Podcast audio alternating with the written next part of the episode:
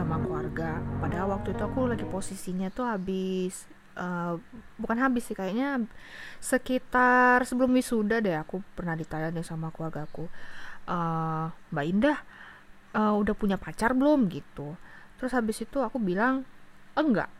Eh punya waktu itu punya. Pertamanya aku bilang punya gitu. Terus habis itu aku kasih tahu fotonya aku dibilang halu gitu. Ya udah aku jawab bilang enggak. Ya memang karena enggak punya pacar gitu. Terus habis itu aku dibilang kalau misalkan kamu punya buruan dikenalin biar langsung nih uh, langsung nikah gitu.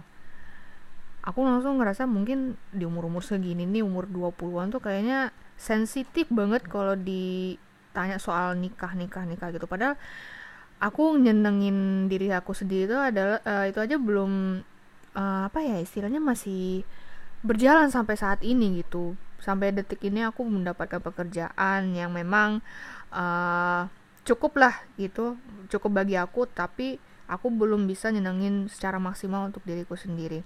Kalau kakak kak Hani dulu. Kak Hani sendiri pernah nggak sih uh, keluarganya atau siapa gitu yang pernah nanya Hani kok nggak ini sih? Kok nggak nikah gitu? Kok belum nikah? gitu. Kebetulan sekarang aku ada di usia di mana ibuku menikah pada saat itu sekarang usianya berapa aku sekarang 24 dulu ibuku nikah umur 24 hmm. Hmm, tapi sebelum orang-orang nanyain tentang hal itu ya, aku memang dari awal sudah stating I have a statement yang bilang kalau aku memang tidak mau menikah gitu pada saat itu. Tapi untuk saat ini sih aku mungkin lebih ke mungkin menikah tapi nggak tahu kapan hmm. lebih ke kayak gitu sih jadi kayak emang sebelum ditanyain tuh aku udah ngomong duluan aku tidak tertarik dengan pernikahan gitu. Hmm. jadi kayaknya aku nggak dapat sih momen-momen seperti itu. Karena udah ngomong duluan aku nggak mau menikah itu. Iya. iya kayak udah pasang tameng kayak di jidat tuh aku udah bilang aku tidak tertarik dengan pernikahan gitu. Jadi kayak orang-orang mau nanyain gitu kayak hmm, mikir kali ya.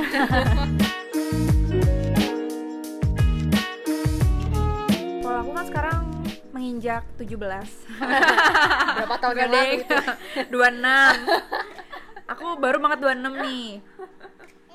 Mungkin untuk kayak masa-masa pertanyaan kenapa belum nikah itu kayak udah lewat setahun dua tahun lalu sih. Tapi datangnya bukan dari keluarga kebetulan. Datangnya dari lingkungan sekitar hmm. tempat uh, masyarakat lah pokoknya intinya gitu tapi kalau di keluarga sendiri kayaknya nggak ada pertanyaan khusus kayak gitu deh karena kan cukup terbuka sama bapak ibu sama kakak-kakak. Mereka tahu aku butuh apa dan aku lagi mau ngelakuin apa. Jadi concern aku saat ini belum ke sana dulu sih. Jadi kalau dari keluarga enggak sih. Tapi sempat ada di masa-masa kayak sedih banget atau nggak bertanya kenapa atau uh, makin cari tahu lagi sih kenapa sih emang orang harus nikah gitu. Sempat ada sempat ada pikiran kayak gitu tapi kalau untuk menikah sendiri sebenarnya ada di salah satu tujuan hidup. Hmm. ya lima besar lah.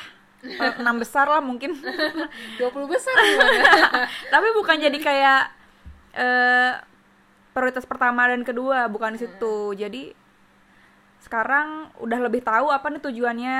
Ketika ditanya mungkin jadi lebih tenang karena tahu oh tujuanku nggak ke menikah dulu nih ke mana dulu gitu. Hmm ya nggak akan dijelasin juga sih tujuan hidupnya di sini iya, sekarang. Iya benar-benar. Terus tapi kurang uh, lebih gitu. Benar sih. Karena uh, sekarang ini kan uh, pernah nih bukan sekarang aja di masa pandemi kayak gini kan aku pernah lihat berita gitu loh kak uh, ada video gitu di akun media sosial mana gitu hmm. terus habis itu ada rame-rame gitu padahal kan di masa pandemi ini kan berkerumun kan sangat sensitif ya dan sangat dilarang gitu. Hmm. Terus aku pernah lihat ini kok kayak antri antri sembako gitu ya? Eh ternyata bukan dong pas aku lihat captionnya tuh ternyata itu adalah uh, tempat eh di mana orang-orang tuh ngantri buat per, buat bercerai sama pasangannya gitu loh. Oh. pernah nggak sih ngeliat itu video itu? Enggak aku nggak pernah, pernah ya? kalau aku baca beritanya ada sih sering banget kayak uh, misalnya pengadilan agama ini uh.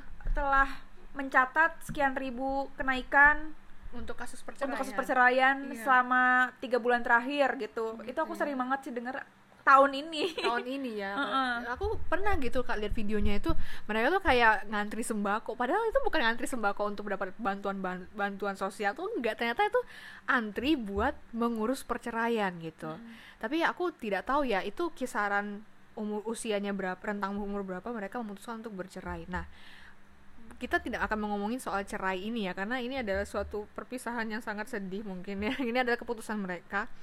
Dan kita mulai dari yang kecil dulu deh menurut Kak Silvi apa sih menikah itu? Ini jawaban aku pribadi ya sebagai seseorang yang belum nikah. Iya. Menurut aku pandanganku tentang menikah adalah sebuah pekerjaan atau kerjasama dua orang untuk melang- melangsungkan kehidupan bersama sampai akhir hayat mereka gitu. Kenapa aku katakan pekerjaan? Karena di dalamnya kita akan melakukan satu hal yang sama, continue setiap hari belajar atau berusaha untuk saling mengerti, berusaha mencintai, berusaha menghidupkan si rumah, kerjasama nanti misalnya kalau mereka memutuskan untuk punya anak, kerjasama untuk membesarkan anak, bertanggung jawab eh, pada anak, bertanggung jawab atas pilihan-pilihan hidup yang harus diambil sekarang berdua kan karena dua kepala menjadi satu gitu. bukan cuma kepala do bukan cuma kepala doang sih badan hati keluarga keuangan mungkin atau hal-hal lainnya. Berbagi hidup bekerja dan berbagi hidup sama-sama sih. Aku ngerasa menikah itu sama kayak pacaran, cuman bedanya lebih terikat aja karena kita ada surat dari negara dan agama gitu. Ada legalitas gitu ya. Kayak lebih resmi aja gitu. Ta- Makanya tadi kalau misalnya nginget ceritanya Indah soal ngantri cerai itu, ngera- aku ngerasa pernikahan itu cukup berat. Makanya kenapa aku belum mau menikah gitu kan. Kalau kayak pacaran kan kita putus ya udah gitu nggak ada pembagian harta gono gini nggak ada yang namanya ngurus A dan B. Sedangkan kalau misalnya kita menikah itu kita kalau mau cer kalau mau pisah gitu ya itu sebutannya cerai kita harus ngurus ke pengadilan sampai ngantri tadi yang Indah bilang itu. Makanya aku ngerasa pernikahan ini nih sama aja sebenarnya kayak pacaran bedanya ya cuma dapat surat aja gitu. Dan itu berat sih karena suratnya itu kan ngurusnya kudu ke kantor pemerintahan dan segala macam belum lagi administrasi gitu ya. Ya tahu sendirilah ngurus administrasi itu nggak semudah membalikan telapak tangan. Jadi buat aku pribadi menikah itu adalah pacaran versi lebih terikat dan ribet aja.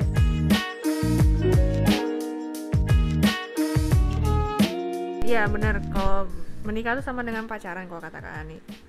Tapi lebih ini sih lebih ada legalitasnya, ada surat-suratnya, surat-surat menikah gitu. dan tanggung jawabnya juga lebih besar Ya tanggung jawab juga lebih besar. Dan menurut kakak nih, eh apa ya? Kayak di masa sekarang ini kan eh, di negeri kita ini patriarkinya keras banget gitu.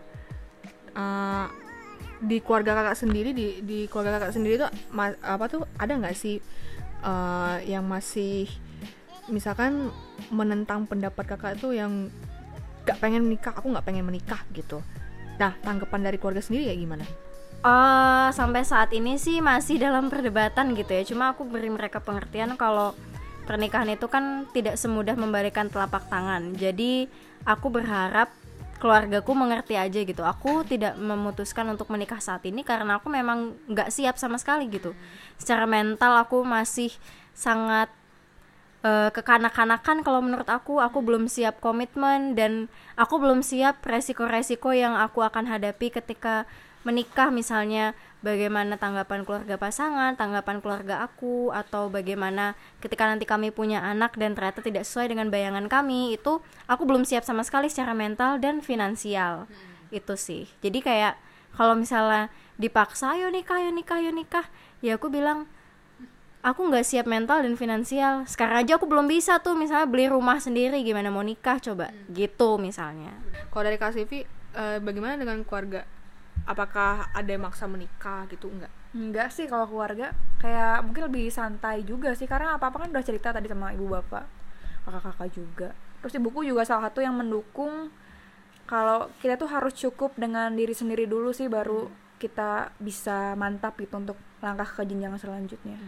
Karena aku juga mikir sih kalau kita belum kenal diri kita tuh gimana kita mau kenal orang lain? Kalau kita nggak sayang diri kita gimana kita mau sayangin orang lain sih? Dan mencari pasangan yang se-value itu kan nggak apa nggak gampang gitu nggak mudah. Mungkin kita bisa sama nih di pendidikan di karakter personality atau di mungkin secara ek- eh, tingkatan ekonomi kita setara nih. Tapi belum tentu kita satu value sama dia. Itu juga ada beberapa pertimbangan ya selain tadi belum siap secara mental secara finansial. Kalau keluarga terus terang nggak sih? Aku bersyukur banget sih karena ibuku malah kayak ayo sekolah lagi kayak gitu.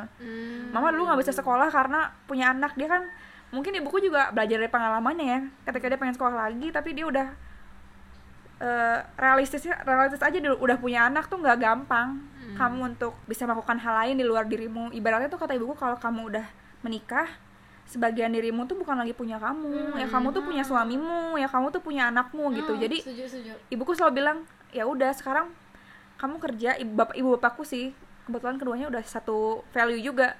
Kamu sekarang udah kerja nikmatin dulu lah apa yang menjadi hasil kerjamu.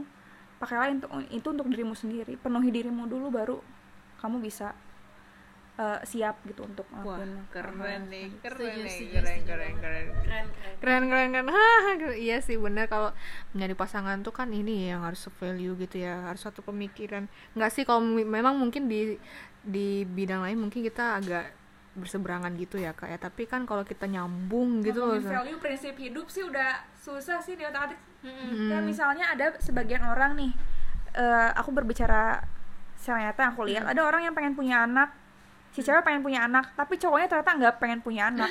iya benar Mereka nyambung di segala hal, personalitinya, ekonominya mapan, mantap. Tapi ketika berjalanan, se- berjalan seiring waktu gitu, tetap aja akan ada gesekan karena ada prinsip hidup yang beda.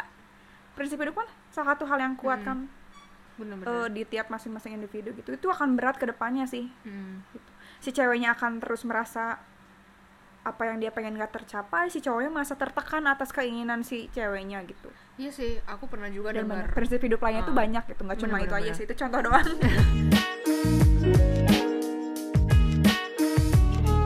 Eh, apa namanya dari keluarga sendiri ya syukur lah ya kalau Kak Silvi keluarganya bisa open minded bisa dibilang open minded nggak sih?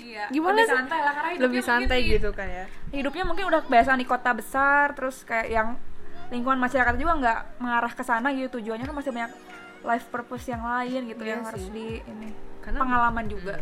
kalau dari menurut aku sih menikah itu ada sesuatu yang sakral sih. Karena eh, menikah itu kan bukan cuma eh, timelinenya kayak gini ya. Kalau dari eh, kalau bahasa anak multimedia itu kan storyboard ya. Storyboard ya kalau kita bertemu di satu tempat terus habis itu kita ber- kita berpacaran habis itu kita memenuhi apa tuh kita mem- eh, membicarakan soal pernikahan terus habis akhirnya kita menikah lalu eh, hidup berdua di dalam rumah punya anak dan bahagia selamanya kan nggak kayak gitu ya storyboardnya. Storyboard apa tuh malah justru di realita tuh kan kayak gini. Lo ketika eh, memutuskan untuk menikah lo bukan hanya menikah dengan lelaki yang lo pilih. Kalau ini dalam konteksnya posisi gue perempuan kan ya.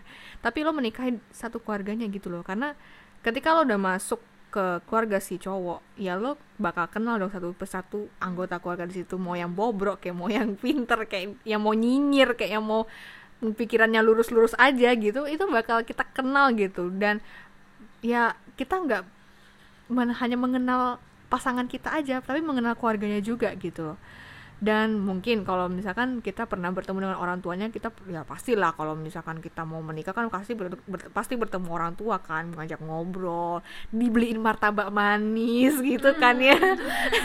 Dibeliin martabak Sogokan- manis sogokan sogokan sogokan mini. Padahal kan kalau beli martabak kan paling dua puluh tiga ribu ya gak apa-apa. Ya, beli disogok martabak disogok gorengan kan dulu.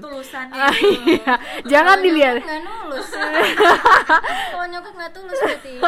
Ah, iya kan diajak ngobrol gitu pasti udah tahu udah karakter mungkin dari aw- awal pembicaraan tahu udah karakter orang tua kayak gimana tapi kan kita tidak coba tuh kalau ketika menikah kan kita tidak, hanya eh, mengetahui tentang karakter dua kedua orang tua pasangan kita Bi- bilangnya mertua ya tapi kita bakal mengenal dengan anggota keluarga yang lain dan kita bakal tahu masalah mereka apa dan mereka apa gitu. Terus em, kalau menurut kakak nih harus nggak sih nikah? Hmm, Hani dulu deh, Hani dulu deh. Udah siap kayaknya Hani jawab nih. Kalau untuk saat ini aku merasa menikah itu tidak harus ya. Kan detik ini nih, nggak tahu nanti mungkin berubah. Dua jam lagi. nggak nggak tahu nanti gimana 15 menit aja udah buka. jadi kalau saat ini aku ngerasa belum perlu sih karena aku masih banyak hal-hal yang ingin aku capai kayak yang kalau Sylvie sebut tadi aku setuju banget sih ketika kita sudah menikah itu kita nggak cuma milik kita sendiri tapi punya pasangan dan juga punya anak kita. Dan di posisi saat ini aku ngerasa belum cukup dengan diriku sendiri. Aku masih pengen uh, kuliah lagi di luar negeri. Aku juga masih pengen kerja di sana sini. Jadi kalau misalnya aku memutuskan untuk menikah sekarang aku harus membagi fokusku buat anak dan juga pasanganku yang jelas-jelas pasti akan mengurangi fokus aku untuk mencapai mimpi aku. Dan itulah yang memutuskan aku untuk merasa pernikahan itu tidak penting untuk saat ini gitu deh. Hmm. Kalau dari Kak Silvi gimana? harus nggak menikah? Hmm, harus nggak sih? kalau buat aku sendiri aku nggak bilang itu harus atau enggak ya. Cuma aku punya bayangan sih suatu saat nanti entah kapan nggak sekarang aku bersama dengan seseorang itu aja. Saat ini titik aja itu aja nggak ada nggak ada kata-kata harus nggak harus sih. Cuma eh, memang menikah itu jadi pilihan sekarang tuh jadi pilihan hidup sih. Bukan dikatakan keharusan. Kalau melihat dari realitas bukan dari segi agama atau dari segi apa. Menikah itu pilihan karena banyak juga orang yang ternyata memilih untuk enggak. Banyak orang yang memilih untuk iya gitu. Kalau tapi kalau aku secara pribadi aku punya gambaran satu saat nanti aku akan bersama sama sampai akhir hayat dengan seseorang. Iya berkeluarga lah gitu intinya. Tanggapan Kak Hani sendiri gimana sih? Risih nggak sih kalau misalkan ada yang pengen aku pengen nikah pengen nikah dong pengen nikah tapi mereka tidak memikirkan kesiapan mental dan finansialnya gitu. eh gimana tanggapan aku tentang orang-orang yang berinisiatif nikah muda tanpa mikirin finansial dan kesiapan mental itu ya Hmm, kalau aku pribadi karena kebetulan aku kuliahnya juga eh, di ranah studi populasi, terus pekerjaan aku juga di aku pernah bekerja di ranah family planning dan sekarang di ranah edukasi dan juga masih ke keluarga dan anak. Aku merasa bahwa pernikahan tanpa kesiapan mental dan finansial itu dampaknya bisa negatif jangka panjangnya gitu. Misalnya ada orang yang memilih menikah karena ngerasa ih seru banget nih nikah itu bisa pakai gaun cantik, bisa dapat selamat dari banyak orang, ngerasa jadi tuan putri sehari gitu. Misalnya kalau eh, yang ngomong itu cewek gitu. Padahal sebenarnya jangka panjang itu kalau misalnya kita nih nggak siap mental dan finansial ya. Contohnya kita punya anak hamil nih. Hamil itu kan tubuh perempuan mengalami perubahan drastis tuh. Kita nggak bisa yang namanya lari-lari, terus tengkurap dan be- makan sembarangan karena kita mengandung seseorang yang butuh nutrisi segala macam. Nah, kalau misalnya dia mentalnya nggak siap, apakah dia siap dengan perubahan tubuhnya yang awalnya kurus, bisa pakai eh, baju begini-begini, tapi ketika hamil nanti tiba-tiba dia gemuk, terus habis itu bajunya nggak bisa pakai yang baju-baju yang pernah dia pakai dulu gitu. Itu hal sederhana aja sih. Kalau dia siap, oke. Kalau nggak, who knows gitu atau mungkin secara finansial ketika kamu menikah dan punya anak nanti yang harus kamu kasih makan itu nggak cuma satu kepala bener. tapi ada kepala lain dan terkadang kita sama diri sendiri aja masih suka bingung gitu ngadepin diri sendiri gimana. Belum lagi kalau menikah kita harus menghadapi kepala lain pasangan anak keluarga pasangan keluarga kita dan yang lain-lain. Jadi ketika kamu nggak siap menikah itu dampaknya akan ke kamunya sendiri akan stres segala macam. Dan anak kamu pun akan kasihan juga karena kalau aku pribadi menganggap anak itu kan tidak minta dilahirkan. Tapi orang tua yang mengin- menginginkan dia untuk lahir. Kalau kita tidak siap secara mental dan finansial aku mikirnya apa sih yang bisa aku kasih ke anakku? Iya kan, kalau aku nggak siap mental dan finansial, aku bisa ngasih apa? Apakah aku mau ngasih makan dia pakai angin? Apakah aku mau ngedidik dia pas-pasan? Enggak kan, karena kita Nah, enggak juga sih karena makan cinta doang kagak kenyang, Bu. Gitu. Jadi ya balik lagi harus siap mental dan finansial karena kita tidak hanya menghadapi satu kepala saja tapi lebih dari satu pasangan, anak, keluarga dan yang lain-lain. Gitu sih. Kalau dari Silvi gimana? pandangan aku tentang nikah muda Yang glamorisasi gitu. glamorisasi itu ya aku nggak pernah melarang orang untuk nikah muda atau nikah umur berapapun sih. Karena kan pilihan hidup. Tapi yang jadi masalah adalah ketika bener kata Hani ketika mereka nggak siap secara mental sama finansial gitu. Dan aku sendiri pun merasa saat ini kenapa belum memilih menikah di usia 26 karena aku belum siap secara mental dan finansial. Oke lah aku sudah bekerja. Aku sudah tidak bergantung pada orang tua. Tapi aku belum merasa aman secara finansial nih ternyata. Setelah aku uh, telitikan lagi aku belum bisa nabung untuk hal-hal apa sih hal-hal darurat gitu-gitu. Untuk cicil rumah juga belum sampai ke sana. Jadi itu sih. Kalau aku mau uh, ngebalik lagi ke yang glamorisasi tadi ya kalau kalian sudah mampu gitu secara mental secara finansial baik ya udah. Iya, setuju, setuju. lakukanlah. Tapi kalau belum jangan dulu deh. Dan menurut aku banyak cari referensi deh.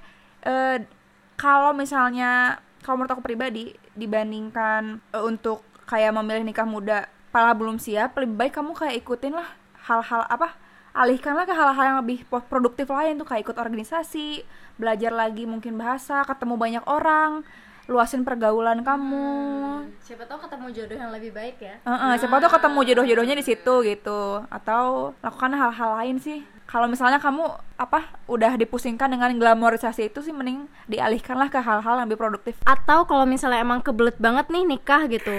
Kebelet banget kayak kepengen banget dan udah ada pasangannya gitu. Mungkin ikut eh, kelas sebelum pernikahan gitu. kan pranikah ya. Hmm, kan banyak banget tuh kelas-kelas pranikah kayak eh, di internet banyak tuh ada kursusnya terus jangan lupa juga cek kesehatan segala macem supaya ke depannya nggak bermasalah dan satu lagi mem- mem- apa ya menyamakan prinsip dengan pasangan kamu gitu dibicarakan harus jujur gitu ya karena kalau nggak jujur di awal susah belakangnya bu. Iya benar. value yang sama. Makanya carilah orang dengan value prinsip hidup yang sama. Mm. sisanya juga kalau bisa juga sama sih tapi kan nggak akan mungkin ada orang yang sama telak atau cocok klop 100% gitu di dunia ini. Tapi minimal tuh value kalian lah prinsip hidup kalian tuh sama dulu lah gitu. Di luar yang lain. Atau kalaupun nggak sama nih bisa sa- disatukan dipadukan dicari titik tengahnya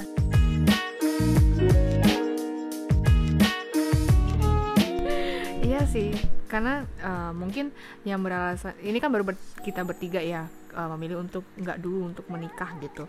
Mungkin juga dari teman-teman ada yang memutuskan untuk nggak menikah tuh mungkin ada beberapa alasan, mungkin ada melihat pengalaman orang lain mungkin. Kalau dari aku sendiri ya memang dari pengalaman keluarga apa yang keluarga aku alami eh, dari orang tua atau mungkin dari om dan tante atau mungkin dari keluarga teman itu adalah pelajaran bagi aku untuk mempersiapkan apa yang harus aku persiapkan nanti ketika aku punya pasangan gitu. kalau aku nggak usah ribet-ribet sih. Memantaskan diri aja dulu. Maksudnya kayak lebih ke fokus ke diri sendiri dulu karena sebelum kita eh, memutuskan berkomitmen dengan orang lain itu ak- menurut aku kita harus sudah tuntas dengan diri sendiri sih. Istilahnya kayak apakah mimpi aku sudah tercapai atau belum gitu dan apakah kalau misalnya bersama orang lain mungkin aku bisa mencapai mimpi itu atau tidak gitu. Lebih ke lebih mengenal diri sendiri dulu sih kayaknya karena perjalanan mengenal diri sendiri itu kan sebenarnya nggak akan ada habisnya bahkan sampai akhir hayat ya. Tapi untuk saat ini tuh masih banyak kurangnya gitu buat aku jadi lebih banyak belajar dan kebetulan kan aku juga kuliah aku itu sangat mendukung aku untuk belajar tentang gimana sih membangun keluarga yang baik gitu jadi kayak banyak banget teori dari ahli macam-macam gitu kan. Jadi aku dari situ juga belajar dan juga sekarang aku eh, sudah beberapa tahun memang berkecimpung di ranah family planning dan juga tentang keluarga dan anak. Jadi dari situ aku belajar banyak banget sih dari eh, keluarga-keluarga yang aku temui dari orang tua dari anak gitu. Kayak seperti apa sih harusnya jadi orang tua yang baik? Seperti apa sih jadi eh, pendidik yang baik supaya anaknya itu jadi baik juga gitu. Lebih ke belajar dari lingkungan sekitar sih. Dan juga aku ikut kelas-kelas kayak short, eh, short course gitu tentang gimana sih caranya mendidik yang baik gitu-gitu sih. Lebih ke tindakan preventif kecil-kecil yang mungkin nggak besar ya buat sebagian orang karena goals menikah itu sangat sangat jauh buat aku gitu. Jadi mulai dari hal yang kecil-kecil dulu karena menurut aku sedikit-sedikit lama-lama jadi bukit. Gitu sih. Kayak menabung ya, sedikit lama-lama jadi bukit. Kalau dari kakak sendiri gimana? kurang lebih sama sih sama Hani. Kan kita kurang bekerja di dunia yang sama ya pendidikan. Jadi kurang lebih udah tahu nih gimana apa kemungkinannya ketika punya anak terus bagaimana menjadi orang tua menghadapi anak gitu. Kayak gitu gitu kan kurang lebih udah punya gambaran lah sedikit. Ditambah lingkungan juga kan yang udah banyak bantu kita media sosial. Hmm. terus kemudahan teknologi mencari informasi itu udah bantu banget. Terus kalau aku sih sendiri kayak punya aku percaya sih kalau misalnya kita tadi benar kata Hani mengenal diri sendiri tuh eh bikin ngebuka jalan-jalan baru untuk hal lain kayak mengenal orang lain melatih kesadaran kita juga. Terus bisa jadi juga kita punya kesempatan buat dapat eh, pasangan atau partner yang sama-sama baik juga gitu sama-sama kita butuh kita butuhin dia dia butuhin kita gitu. Karena aku percaya sih nggak tahu kenapa sih aku agak-agak dibalik eh, kata-kata ini nih dibalik pria yang hebat terdapat perempuan yang hebat. Hmm. bener aku ngerasa kayak ya udah kalau pasangan lu hebat ada sedikit banyak tuh ada peran dari pasangan lu juga gitu. Jadi kalau cowok hebat ada sedikit banyak eh, peran dari cewek. Kalau ceweknya hebat ada sedikit banyak mungkin banyak lah ya peran dari cowok juga. Jadi eh, sama-sama seimbang itu aku percaya. Jadi sekarang ya bener kata Hani memataskan diri terus lebih kenali diri kalau udah punya pasangan kenali pasangan juga. Banyak ajak diskusi nanti ketika kita mau melangkah ke yang lebih lanjut nih eh, apa aja yang harus kita siapkan gitu gitu Hmm. bagaimana kalau kita udah punya anak? Eh, omongin aja segala kemungkinannya. Mungkin terkesan menakutkan ya karena ngomongin sama diri sendiri aja tentang masa depan menakutkan ya apalagi ngomongin sama pasangan orang lain yang dua kepala yang berbeda. Kadang-kadang orang tuh takut untuk ngomongin itu untuk ngebahas hal-hal kayak gitu untuk eh, bahas kemungkinan-kemungkinan atau rencana-rencana ke depan. Tapi itu sebenarnya perlu eh, buat jadi tindakan preventif atau senjata kita nanti ketika kita mau melangkah ke dunia yang sebenarnya mau melangkah ke medan perang yang sebenarnya gitu. Jadi banyak diskusi sama pasangan, sama diri sendiri terutama kita gimana kita mau kenal orang lain, gimana kita mau mencintai orang lain kalau kita belum mencintai diri sendiri. Gimana kita mau kenal orang kalau kita belum kenal diri sendiri. Jadi dimulai dari diri sendiri, kemudian ke pasangan, nanti baru lah dipraktekkan ke kehidupan. Iya. Kayak istilah gampangnya tadi kayak kita mempersiapkan amunisi ya kan kak Silvi bilangnya medan perang kayak siapin amunisi aja pelan-pelan Iya sih. Siapin apa pun sih yang apa namanya? Karena kan kalau kita ke medan perang tapi tanpa amunisi tuh kayak kosong banget nggak sih? Kayak kayak mau langsung mati aja nggak sih? main game tapi belum pernah eh belum punya kesiapan apa apa kan kayak ya game overnya cepat gitu Game overnya cepet gitu. Iya, ini juga aku ngelihat di media sosial itu banyak yang itu sih memang eh kayak gini. Mungkin ada nih temen aku yang baru menikah nih baru-baru ini menikah dan memang usianya memang sepantara aku karena dia ya memang seusia aku sih. Dan eh, apa namanya dia baru menikah terus habis itu entah kenapa dia eh, nulis status galau gitu loh kak. Galau kenapa nih? Jadinya ba- jadinya kan aku yang memang Kepo. kepo ya kepo sih. Keponya tuh nggak berani buat nanya langsung ke orang ya kan karena itu kan urusannya dia dan aku Pribadi, pribadi gitu. Terus habis itu eh, kenapa nih orang kok galau? Terus habis itu dia kumpul sama teman-temannya terus bilangnya thanks for today udah ngehibur aku gitu. Ya temennya kan ya eh, karena dia temanku eh, temanku tuh cewek jadi dia kumpul sama teman-teman ceweknya juga. Terima kasih ya udah nemenin aku yang lagi sedih gini. Lah kan ibu nikah kenapa udah sedih aja gitu? Sedihnya tuh kenapa? Gitu. Dan aku juga kaget loh dia ketika dia udah nikah tuh udah jadi istri statusnya tuh udah jadi istri orang gitu. Wah gila nih udah udah nikah aja nih orang ya cuma memang sih eh, apa namanya kalau kita gak menyiapkan apa pun itu misalkan gak menyiapkan apa ya diri kita buat ke depannya tuh kayak gimana gitu. Gimana ya pengalaman aku pacaran pacaran kemarin tuh kayak gimana ya? Aku mikirin diri sendiri aja belum sanggup gitu belum sanggup sepenuhnya. Apalagi kalau ada orang yang harus aku temenin gitu kan harus aku ajak chat gitu ya. Kayak ada rasa tanggung jawab gitu nggak sih dari di- eh, bukan untuk diri sendiri tapi dari orang itu juga gitu. Gitu sih. Tapi mau nggak mau ketika kita berhubungan memang kita kan jadi itu kan tanggung jawab yang kita ambil keputusan yang kita ambil untuk berhubungan sama dia itu tanggung jawab kita kan diambil. Benar. Wah, ya mau nggak mau kita harus invest waktu invest tenaga invest pikiran Eh, se seenggak maunya kita mikir kayak enggak lah gue bakal santai aja nih sama dia. Tapi untuk menjalankan sebuah hubungan tuh nggak nggak akan berjalan hubungan kalau kita nggak invest waktu tenaga pikiran hati perasaan kita tuh nggak mungkin berjalan sih hubungan tuh. Mau Iya, nggak mau kita benar. udah ambil itu kita juga harus mau bertanggung jawab atas keputusan itu sih ya kalau misalkan nih pendidikan pasangan kalian nanti itu ternyata lebih misalkan hanya lulusan SMA nih kan kakak kan pasti S1 sa- udah se- selesai S1 pendidikan pasangan kalian nih sampai SMA aja nih. Nah tapi nyaman diajak ngobrol itu gimana? Nggak apa-apa kah? Nyaman doang nih indikatornya. Hmm, Nyaman ya, doang. nyambung nyambung. Nyambung. Dan dia tuh dewasa gitu loh kak. Maksudnya eh, nyaman kalau nyaman doang sih aku tetap enggak. Maksudnya kecuali dia memenuhi valueku ah eh, terus dia mau kerja keras hmm. dia nyambung cocok eh, dalam banyak hal ya kenapa gitu kenapa enggak?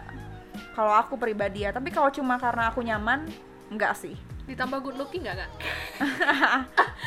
Aduh gimana kalau ngomongin soal fisik? Kayaknya aku bukan tipe orang yang harus fisik deh. Oh gitu. Nggak diutamakan sih tapi ya pasti itu jadi penga apa sumber pertimbangan juga. Ah, cuma iya. maksudnya nggak utama sih. Tapi kalau tanya Kak Indah tadi sejauh ini belum pernah nemu kasus gitu sih Indah belum ya, tapi kalau ya. ditanya kalau misalnya hal-hal lain nyambung ya mungkin ada kemungkinan iya sih tapi nggak tahu juga ke depannya Tapi kan ini kan baru ini ya kak, baru teori saja. Ah, ah. Prakteknya kan kita belum tahu Ah, nih. belum pernah mengalami secara Iya. langsung sama sekali, soalnya. Kalau dari kak Ani gimana? Em, aku ngomong ini tidak bermaksud mengecilkan orang-orang yang pendidikannya beda sama aku ya gitu.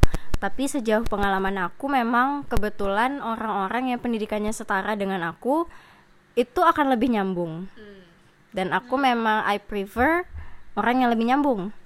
Tapi bukan berarti ke depannya aku akan berprinsip sama dong gitu karena eh pendidikan itu kan memang pendidikan ya tapi pasti orang itu punya alasan kenapa dia pendidikannya nggak sama seperti aku gitu. Mungkin karena masalah biaya dan lain-lain tapi seandainya memang aku ada di kondisi di mana cowok yang deketin aku itu pendidikannya di bawah aku aku akan lihat dulu orang ini tuh seperti apa sih gitu. Apa alasannya dia tidak punya pendidikan yang sama seperti aku?